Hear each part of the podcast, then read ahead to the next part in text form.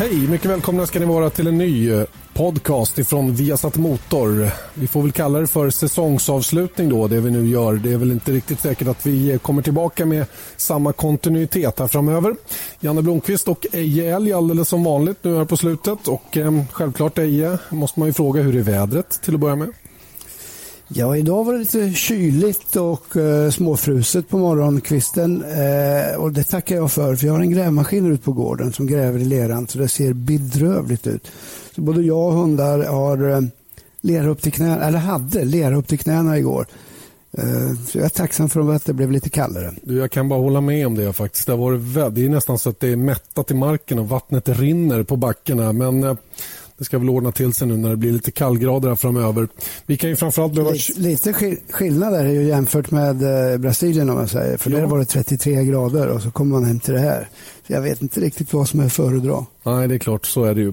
Eh, ja, Brasilien ja. Det blev ju en rackarrökare till avslutning i alla fall som vi fick vara med om där borta på eh, Interlagos. Och, eh, Eh, Eh, det har ju varit mycket surr senaste veckan. Ska vi börja med det kanske? Det, det mesta av surret då, som naturligtvis har handlat om tillåtna omkörningar eller inte då gällande Sebastian Vettel. Och det har cirkulerat ett Youtube-klipp nu då som eh, skulle påvisa då att Sebastian Vettel skulle ha gjort en otillåten omkörning eller flera stycken till att börja med. Men sen så avfärdades ju två av dem i alla fall som omkörningar då det var eh, fast sken från de här blinkfyrarna. Då. Men den här sista då handlade om att han skulle ha kört om en Toro Rosso då ner mot kurva 4 under, under gul flagg. Men det visade sig att det inte var på det viset.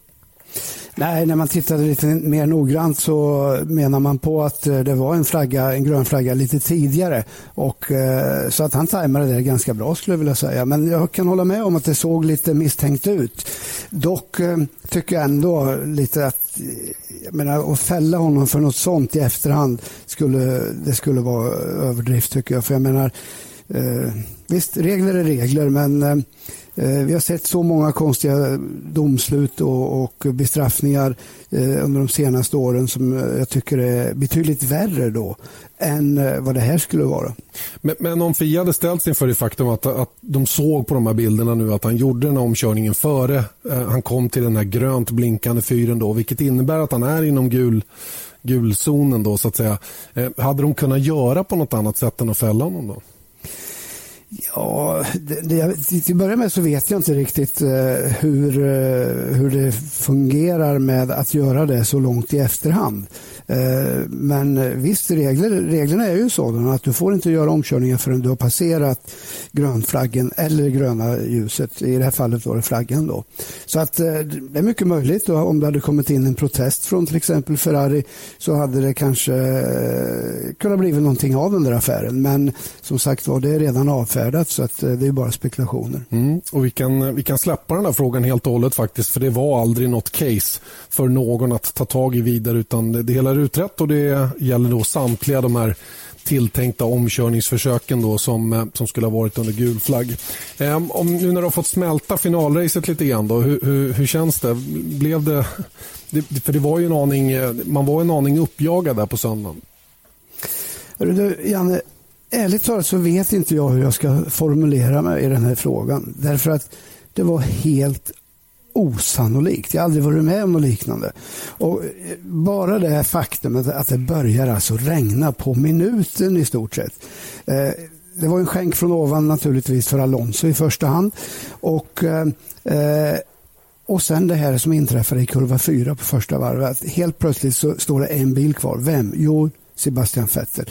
Då tänkte jag, men, men herregud, vad är det som pågår? Är, jag menar, är det här uppgjort? Det var det ju naturligtvis inte, men helt grymt alltså. Och, eh, eh sen fortsatte det, det var ju liksom ingen ände på eländet. Det, var bara, det, det fortsatte ju undan för undan. Och, eh, det var ett av de mest eh, eh, underhållande race som jag har sett i Formel 1. Och till och med när Kimi Räikkönen är ut, utanför banan och kör bakom läktarna där. Jag tyckte det var helt otroligt. Ja. Fantastiskt.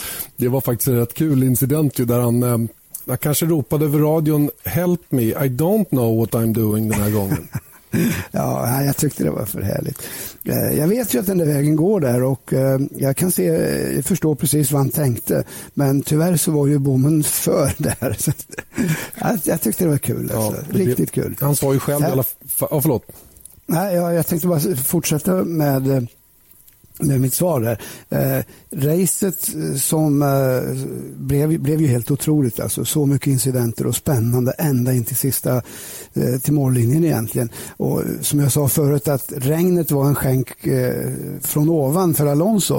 I, I själva verket så blev det ju faktiskt en skänk från ovan även för Sebastian Vettel. För jag tror att han kanske hade kunnat fått en hel del problem med den skadan som han hade på bilen om det hade varit snustort och ett, eh, ett torrrace. Ja, det var väl ingen tvekan om att när man läste av vad, bilen, vad skadorna på bilen gjorde så såg man ju direkt att den tappade jättemycket downforce och den hade problem eh, att få upp eh, toppfarten ordentligt. och Det syntes ju också några gånger på Vettel.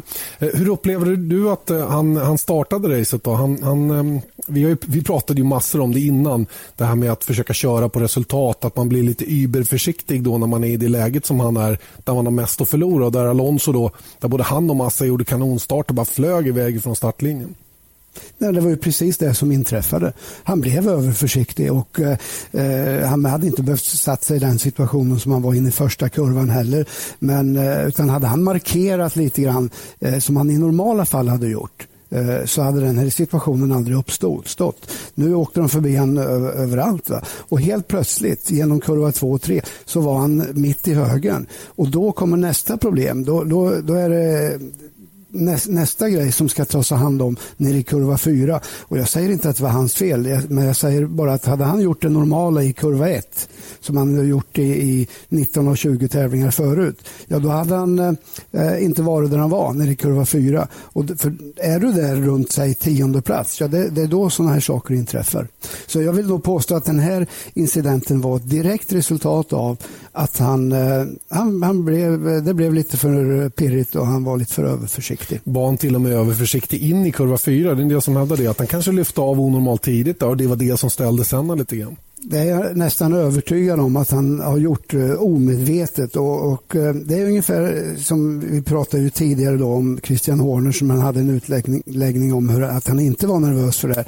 Men det, det, är ju så att eh, eh, går du in i ett eh, avgörande race med de här förutsättningarna så jag vet inte vem som inte skulle vara överförsiktig. Det, jag tror inte att du kan styra över det riktigt själv. Utan eh, eh hans ambition var att vinna VM och, eh, han, och, och, då infinner sig sådana här tankar och sådana här beteende. Det är jag fullt övertygad om. Gäller det alla förare tror du i ett sånt här läge? Hade Alonso ja, på ett jag, annat sätt? Nej, jag tror inte det. Jag tror att han skulle ha gjort exakt samma sak. Och vi har ju faktiskt sett, eh, vi har sett tillfällen under året där Alonso också har varit väldigt, väldigt försiktig. Det är inte alltid det har varit full attack från hans sida.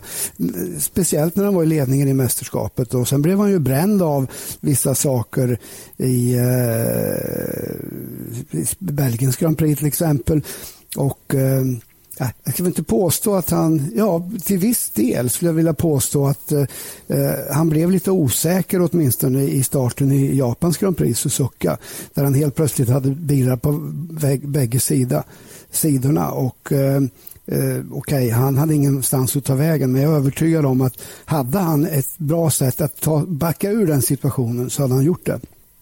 Om vi lyfter blicken lite grann från själva finalracet då, för det blev ju som det blev så att säga då. Vettel klarade den här sjätteplatsen som räckte då när Alonso hamnade tvåa eh, och, och teamen, eh, eller framförallt Ferrari då, skiftade plats. Men i ärlighetens namn, Vettel hade mycket hjälp också. Michael Schumacher släppte förbi honom. Toro Rosso-bilarna gjorde inget eh, överhuvudtaget för att hindra honom och hans väg framåt. Så att, i det avseendet kanske man kan säga att det var lika. Då. Men om man tittar på säsongen som helhet, vad var det till slut som avgjorde till Vettels fördel tycker du?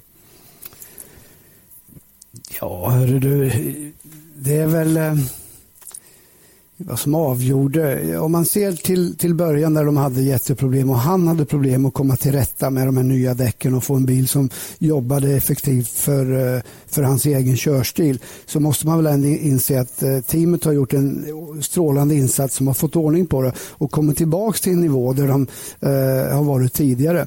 Så att Eh, Eh, men jag tycker att han har haft en otrolig förmåga att eh, prestera på väldigt, väldigt hög nivå när han väl fick en bil som funkade. Och eh, dessutom har han vid två tillfällen nu visat att han, han klarar att köra om också, även att vissa kritiker tidigare sa att han inte Eh, eller det var inte att, att han inte kunde, för det var ingen som visste egentligen. Men tidigare har han alltid fått, fått, fått jaga från, från front, så att säga. Eh, så det fanns ju frågetecken där. Men han har visat att han har definitivt eh, hittat eh, ett bra spår även när han startar långt bak och kommer bakifrån. Så att jag eh, Ja, jag tycker, jag tycker bara att han har varit allmänt stark alltså, tillsammans med ett, ett otroligt bra team. Mm. Personligen så känns det som att eh, för mig var det ju den här när de vände på steken. Nu fick han ju segern lite gratis i Singapore men de fyra raka som, som Vettel tog där när, när teamet kom med det sista riktiga uppdateringspaketet när man hittade lite mer downforce i bakänden som gjorde att Vettel kunde börja Hej, jag Ryan Reynolds. At Mint Mobile, we like to do the opposite of what Big Wireless does. They charge you a lot, we charge you a little. So naturally, when they announced they'd be raising their prices due to inflation, we decided to deflate our prices due to not hating you. That's right. We're cutting the price of Mint Unlimited from $30 a month to just $15 a month. Give it a try at mintmobile.com slash switch. $45 upfront for three months plus taxes and fees. Promote for new customers for limited time. Unlimited more than 40 gigabytes per month. Slows. Full terms at mintmobile.com. köra så som han vill köra den där bilen, ja då lossnade det på något sätt. och Det var ju också då han tog sig kapp och förbi Fernando Alonso. Sen kunde inte Ferrari svara på det här. Eh, och Det har ju varit Ferraris svaghet tycker jag, i flera år, det här med bilen. Eh, på förarsidan är de ju fullständigt eh, prickfria. Men teamet måste nu börja skärpa sig lite grann. Alltså på designsidan och Pat Fry och alla de runt omkring om Alonso verkligen ska kunna vinna VM-titel.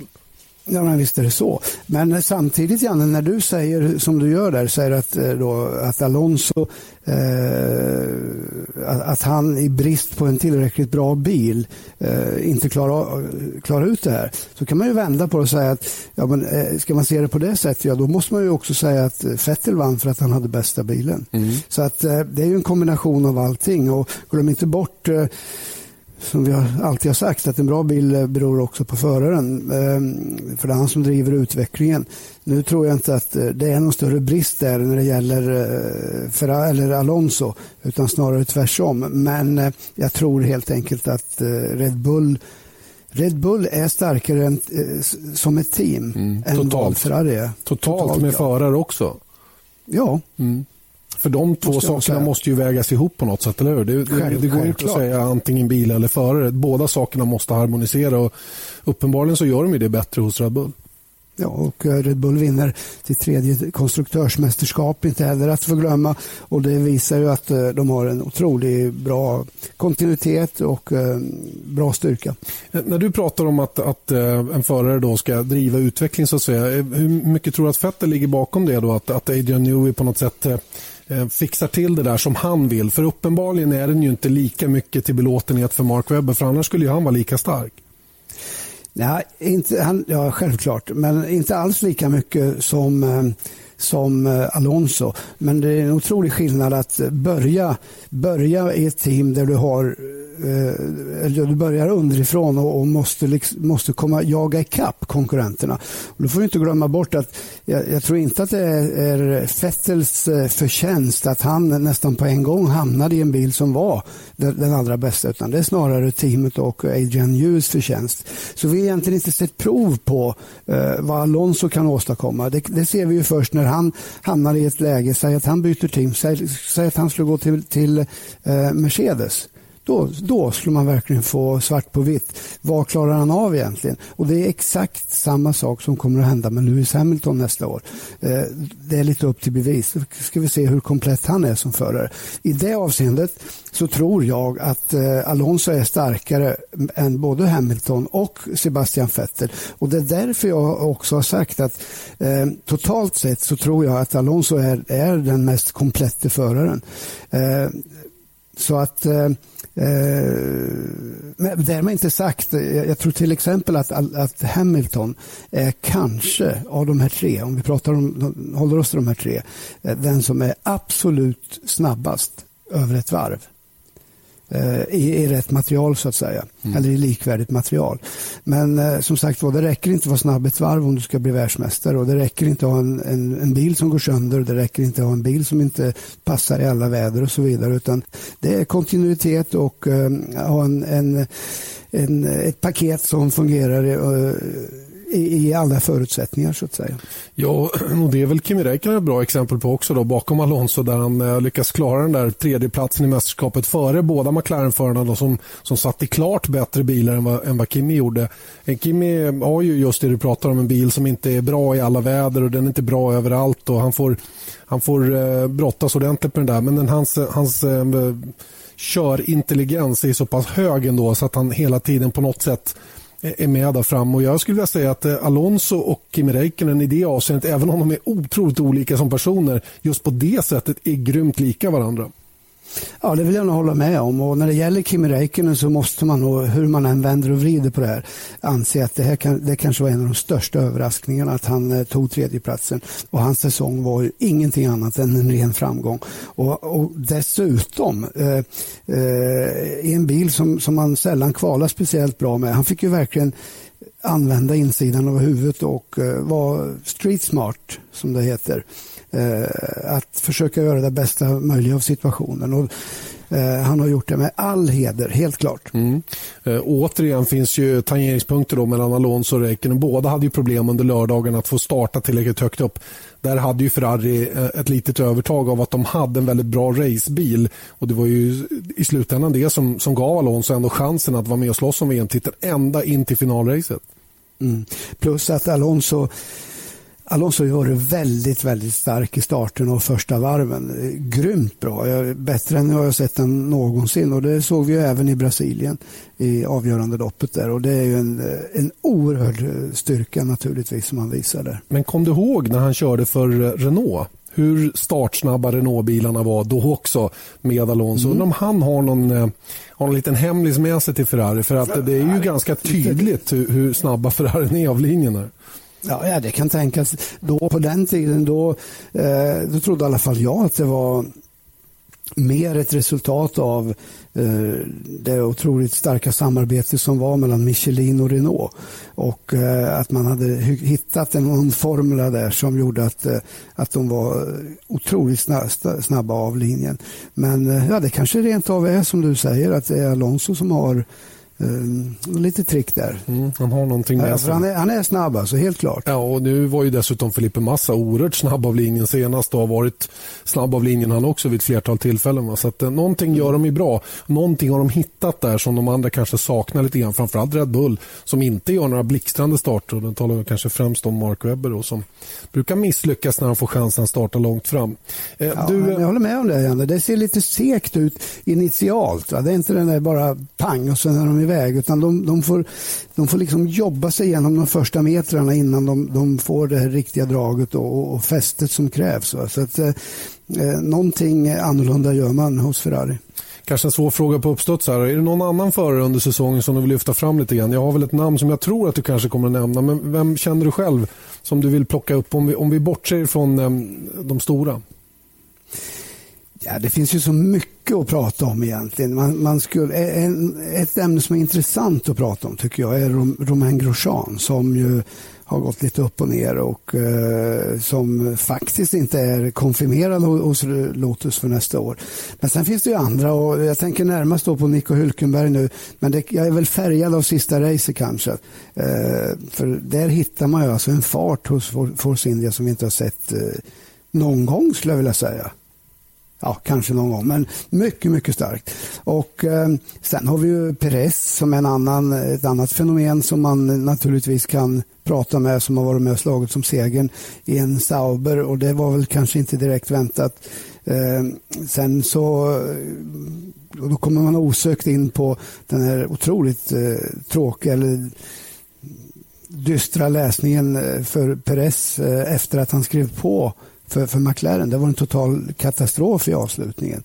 Så att eh, ja, det finns många saker som, som har varit intressanta och eh, eh, jag vet inte om man skulle titta på årets överraskning. Ja, Charles Pick har ju nämnts som årets Charles... rookie. Vad säger du om det då? Ja, jag tycker att han gjorde ett bra jobb. Han har eh, konkurrerat väl med eh, den betydligt mer etablerade eh, teamkompisen Timo Glock. Så att jag tycker att han, han också kom in i det bra. Men jag tycker samtidigt så är det väldigt svårt att värdera någon som ligger runt 18-20 plats där. Det är lite, lite svårt att se alla förutsättningar. Men jag tycker ändå att han har gjort ett ett jobb som jag ungefär hade förväntat mig. Jag har ju sett honom ganska mycket i GP2 och även innan. Så att eh, han, eh, det är ingen snack om saken. Han är duktig, han har ett bra management och eh, har växt in i det på ett seriöst och bra sätt. Mm. Eh, något, något som har floppat, som har varit sämre än förväntat? Jag kan också tänka mig någonting som jag tror att du kommer att nämna. Eh, ja, ja, Mercedes jag vet inte om det är det du tänkte no. på, men, men eh, jag, jag, kan inte eh, jag kan inte riktigt förlika med, med deras attityd eh, i förhållande till de resultat som de har jobbat med eller åstadkommit. Och, jag ska villigt erkänna att jag blev lite trött på att höra inför varje race hur mycket bättre de har blivit enligt egen utsago. Och det har gått eh, spikrakt åt andra hållet och det tycker, jag är, det tycker jag är lite för dåligt. Mörkar de inför nästa år tror du att de har struntat i årets bil fast de inte har sagt det och eh, laddat ja, allt för 2013? Ja, ja, men I så fall börjar de med det då? I Malaysia eller? Ja, typ. De vann ju ändå i Kina. Nej, de vann ju i Kina, ja, det har du rätt i. och, då de avbröt eh, årets ja, bil men, kanske. Nej, jag, men låt säga att de men... från halva säsongen typ. Ja, Nej, jag tror inte att man har gjort det, men, men självklart så eh, Ross Brown måste ju i tidigt skede insett att man hade jättestora problem och det är ju att man inte har fått däcken att fungera. Man har, de har ofta överhettat och då eh, vissa gånger så kan ju det naturligtvis vara passande. Jag säger inte att det var det, men, men det, eller, jag vill inte ta någonting ifrån dem när det gällde Kinas Grand Prix i Shanghai, men eh, det är väl så att eh, omständigheterna då gjorde att Eh, deras däck eh, kom in i fönstret och fungerade bättre än andras. Men, eh, ja, men säg så här igen. Det, Brasiliens Grand Prix så hade man alltså backat fem, sex månader i, i utvecklingsarbetet i stort sett. Mm. Och helt plötsligt så har man en bil som bägge förarna säger är bättre.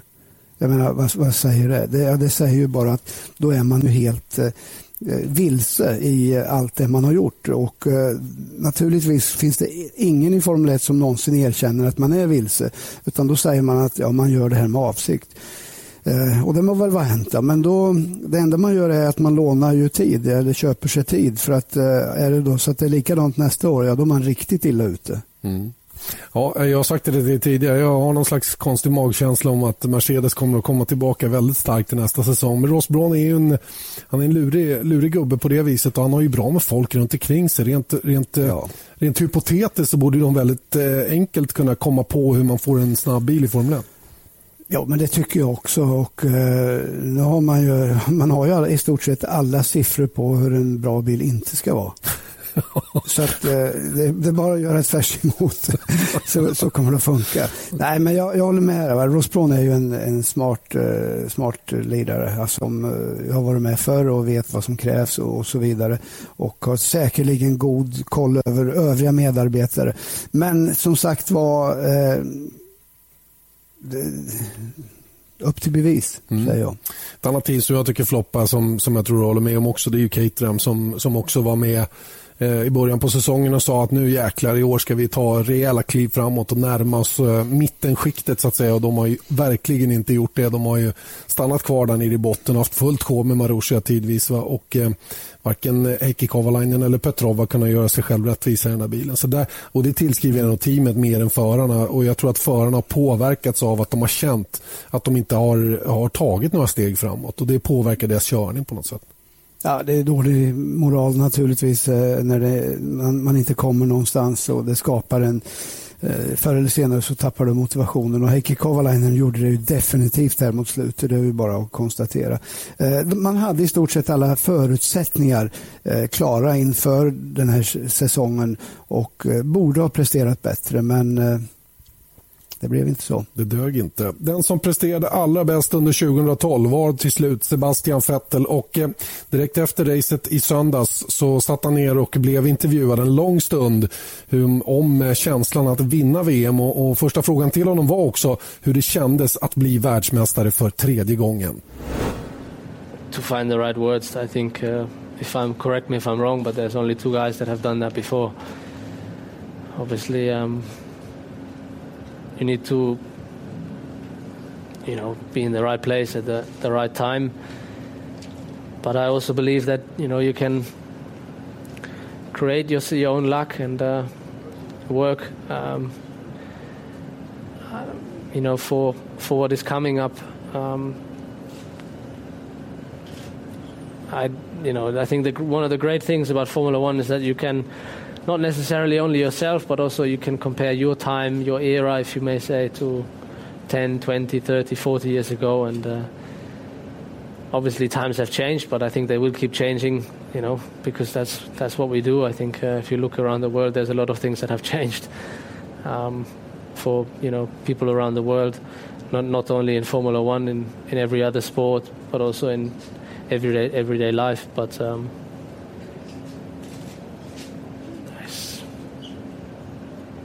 I don't know what to say. You know, we are in Sao Paulo here, uh, the place where Ayrton Senna was born and uh, came from, and the place where he he was buried. And um, yeah, to you know to come here and uh, win the third time the championship for the third time. I don't I don't really know what to what to say. I think. I have to say a big thanks to everyone in the team. You know, of course, for you this sounds like a bit of a standard phrase, and uh, sometimes we get, um, how can I say, um, criticized for you know bringing up standard phrases like that. But I really, I really feel as one of the guys in the team. You know, I don't feel more important, less important. Of course, I know I'm driving the car, and of course, I know if I turn right in a straight line, I hit the wall, and that's it. You know, so it's pretty easy in that regard. But um, I, I, really feel as one of them, and uh, what we achieved today is not what you know happened today in the race. It's what we we've been working for, you know, since I since I really joined the team. Together, everyone here, the track, back in the factory. It's a massive amount of you know work getting done um, throughout the whole year. You know now tomorrow the season is over, and the guys already flat out for you know the last couple of weeks preparing RB9 and next year. You know that's you cannot afford to lift, and um, obviously. I think I'm in a very, very fortunate position compared to many guys in the team. But um, you know, I think you do this job. There might be some, but I think all the guys in the garage and all the people I know in the factory. You do this job not because you really care what is written on the check you get after the you know the end of the month. I think you do this job because you just love Formula One, you love motorsport, you love the excite, excitement here. And you know, I said to the guys yesterday, "Am I nervous?" Yes. I think if I would not be nervous now, imagine uh, I would fail. You know, what am I doing here? If you know, I have a great chance, I'm in a great position, and uh, I don't really care what's going on, you know. So, um, so I said yes, I'm nervous, but then again, we are nervous every time, and it's what we need to get us started, to get us in the groove, and you know, so that we are present, we are sharp. As soon as the lights go off, we're not sleeping, and we react, and we are there. And today, I think we had many of the, these occasions where, you know, you can argue you have to be present, otherwise it goes wrong, and. Uh, it was a very tough race, but we were present all the time. We remained ourselves throughout the whole year, even though people did some things that you know we wouldn't never consider uh, to do, um, trying to achieve our targets. But um, you know, it's not in our hands, and it's not our job to to rate and uh, to comment so much. We have to make sure we do our own homework and. Uh, most importantly, I said to them yesterday as well, and uh, throughout the years, that enjoy. You know, many times I try to stop and on the grid. You know, there's so many fans around here. The parade lap, they scream. Yeah, maybe sometimes they scream for Alonso, sometimes for Massa, sometimes for Schumacher, sometimes for Rosberg. You know, that's not the point. In the end, you know, you're one of them, and uh, it's a privilege to race in front of such a big crowd. You know, so many people coming to see, you know, you racing, and um, having the chance we have had today just makes it more enjoyable. And I think many times in uh, in this kind of situations, you it's so easy to lose the focus. You know, obviously we have won 2010, 2011, and I had a very smart guy um, who once told me that the hardest thing is winning after winning, because you get the attention, uh, you get the pressure, but you, you you know you focus on how to win again rather than focusing on the small steps it takes, and uh, that's what I always try to remember myself of, remember the guys in the team that you know it's just another day, another race, and uh, we have to be ourselves and make sure we enjoy, and the rest will be just fine. Ja, det var Sebastian Vettel och det är självklart att det är en massa känslor när man har eh, tagit sin tredje titel och börjar komma in bland de riktigt stora, rent statistiskt i alla fall. Och Sen får han väl jobba vidare på att eh, övertyga alla om sin förträfflighet. Det, är ju, han, det finns ju många som tvivlar på hans förmågor fortfarande, men tre titlar, det, det bör väl ändå räcka till, eller?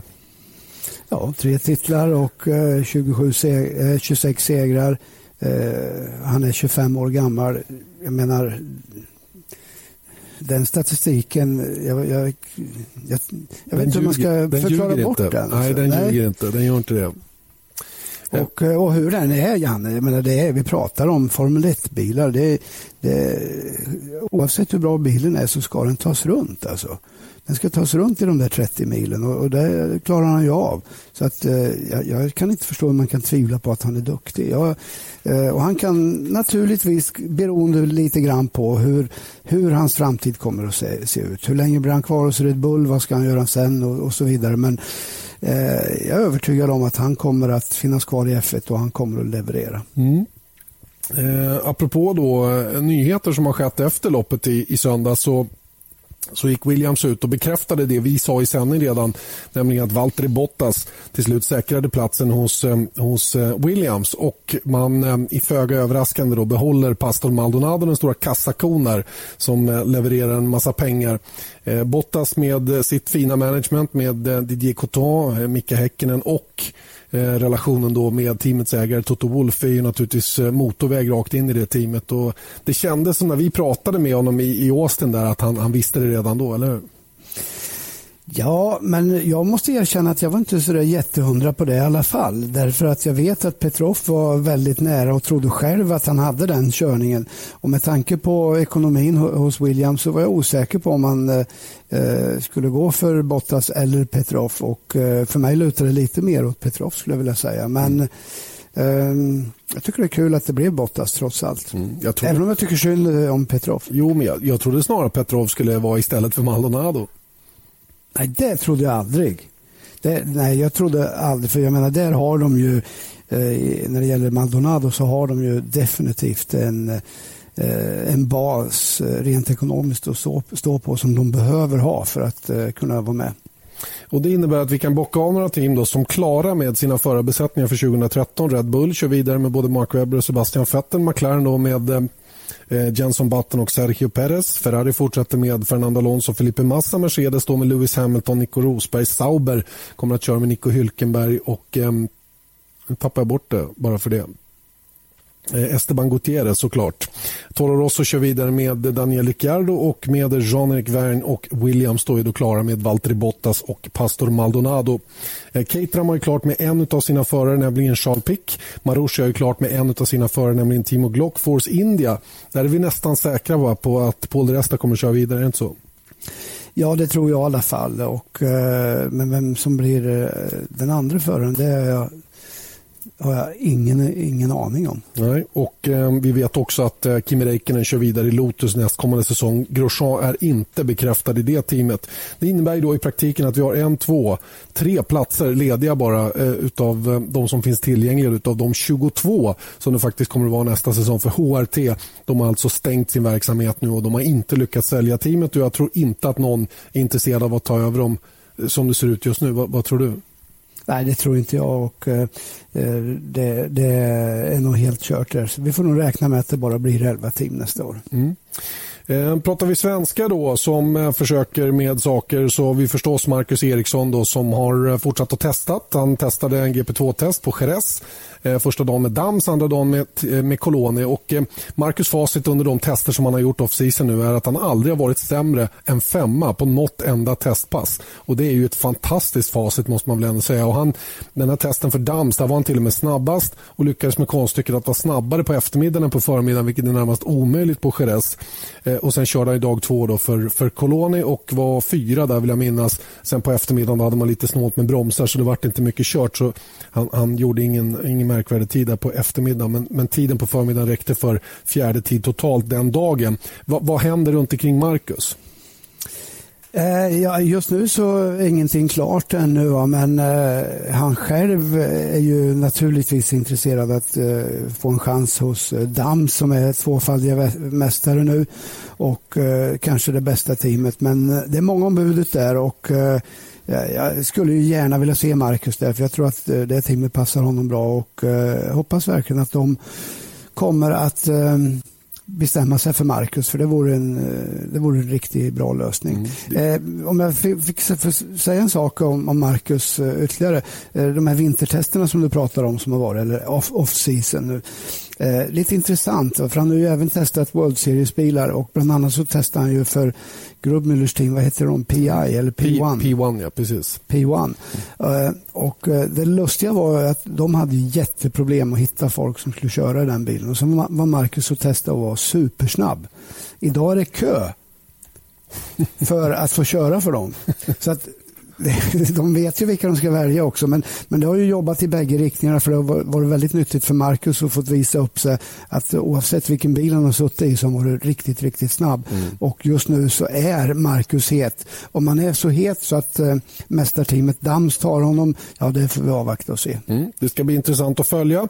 Det lär väl komma nyheter inom kort. Alla vill ju göra klart det där så snart som möjligt.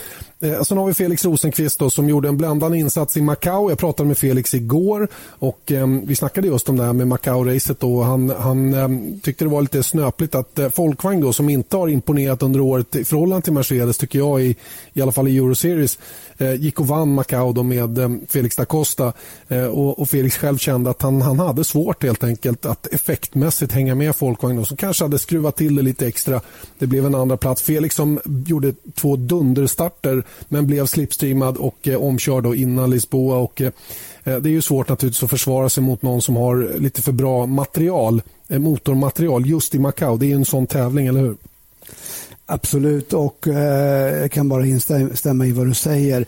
Eh, nummer ett, Volkswagen har alltid plockat fram lite extra just inför Macau. Jag har sett det förut och det kommer att ske även i framtiden. Och just när det gäller Macau så det är ju en raksträcka som heter duga. Jag vet inte hur lång den är. Det är en av de absolut längsta eh, partierna som det är rakt och flat out på som jag vet finns på en bana. Mm. Så att eh, har, du inte, har du inte hästarna och toppfarten där, ja då är du då är du rökt som de säger.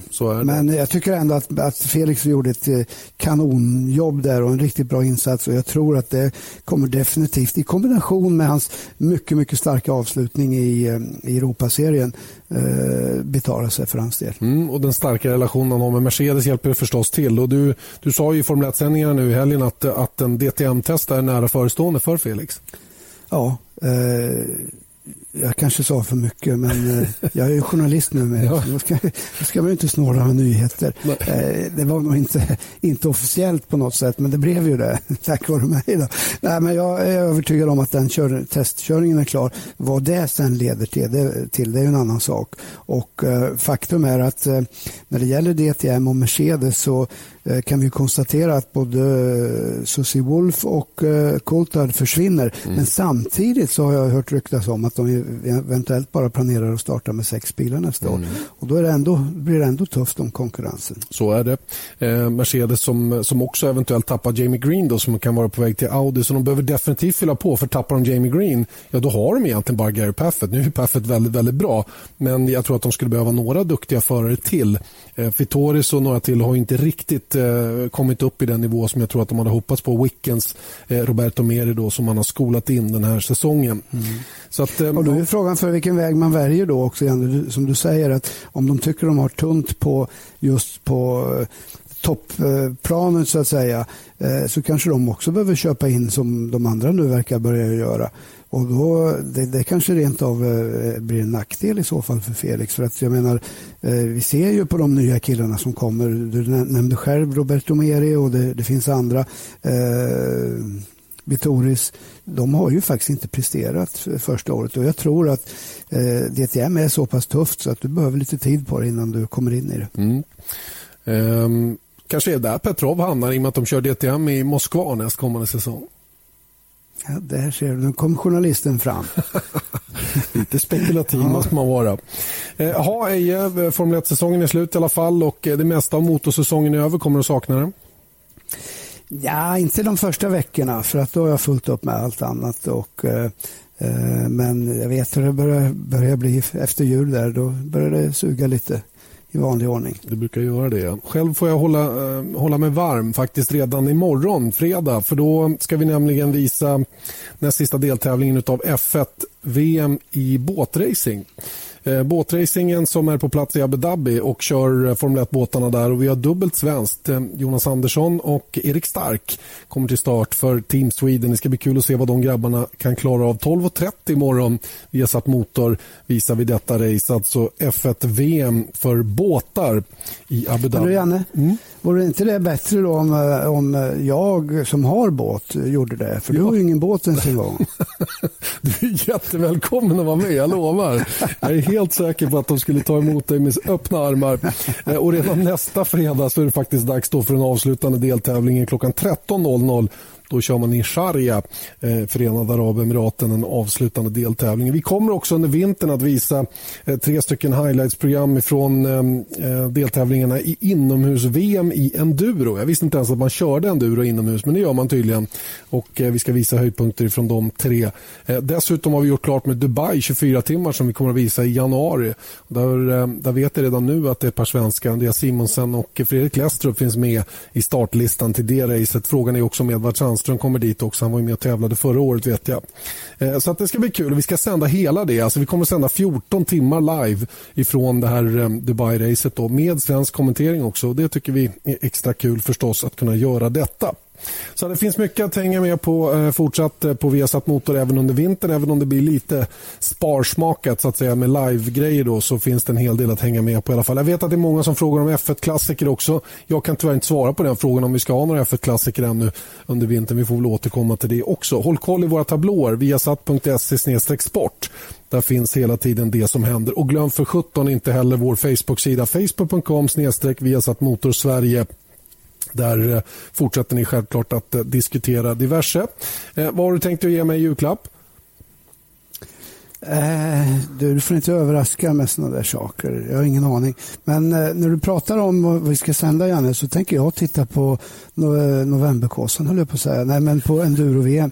Vi har ju en Karlskoga-pojke, Jocke Ljunggren, som är en av världens absolut bästa enduro-killar. Så mm. det ser jag fram emot. Mm. Det blir någonting det. Vi, eh, vi säger... jag, jag, prat, jag pratar bort det där ganska snabbt ja, du faktiskt. Märkte du det? Jag får väl lugnande medel av dig i julklapp eller någonting i den stilen. kan nog behövas när vi hetsar upp oss alldeles för mycket. Hur som helst, det har varit väldigt, väldigt kul att um, bevaka F1 MotoGP och allt det andra också som vi har haft under kanalen. Hoppas nu att ni får en fortsatt trevlig vinter. Och som sagt, glöm oss inte. Följ oss fortsatt på vår Facebook-sida. Facebook.com snedstreck Viasat Motorsverige. Tack säger vi nu från denna podcast, Janne Blomqvist och Eje Elg.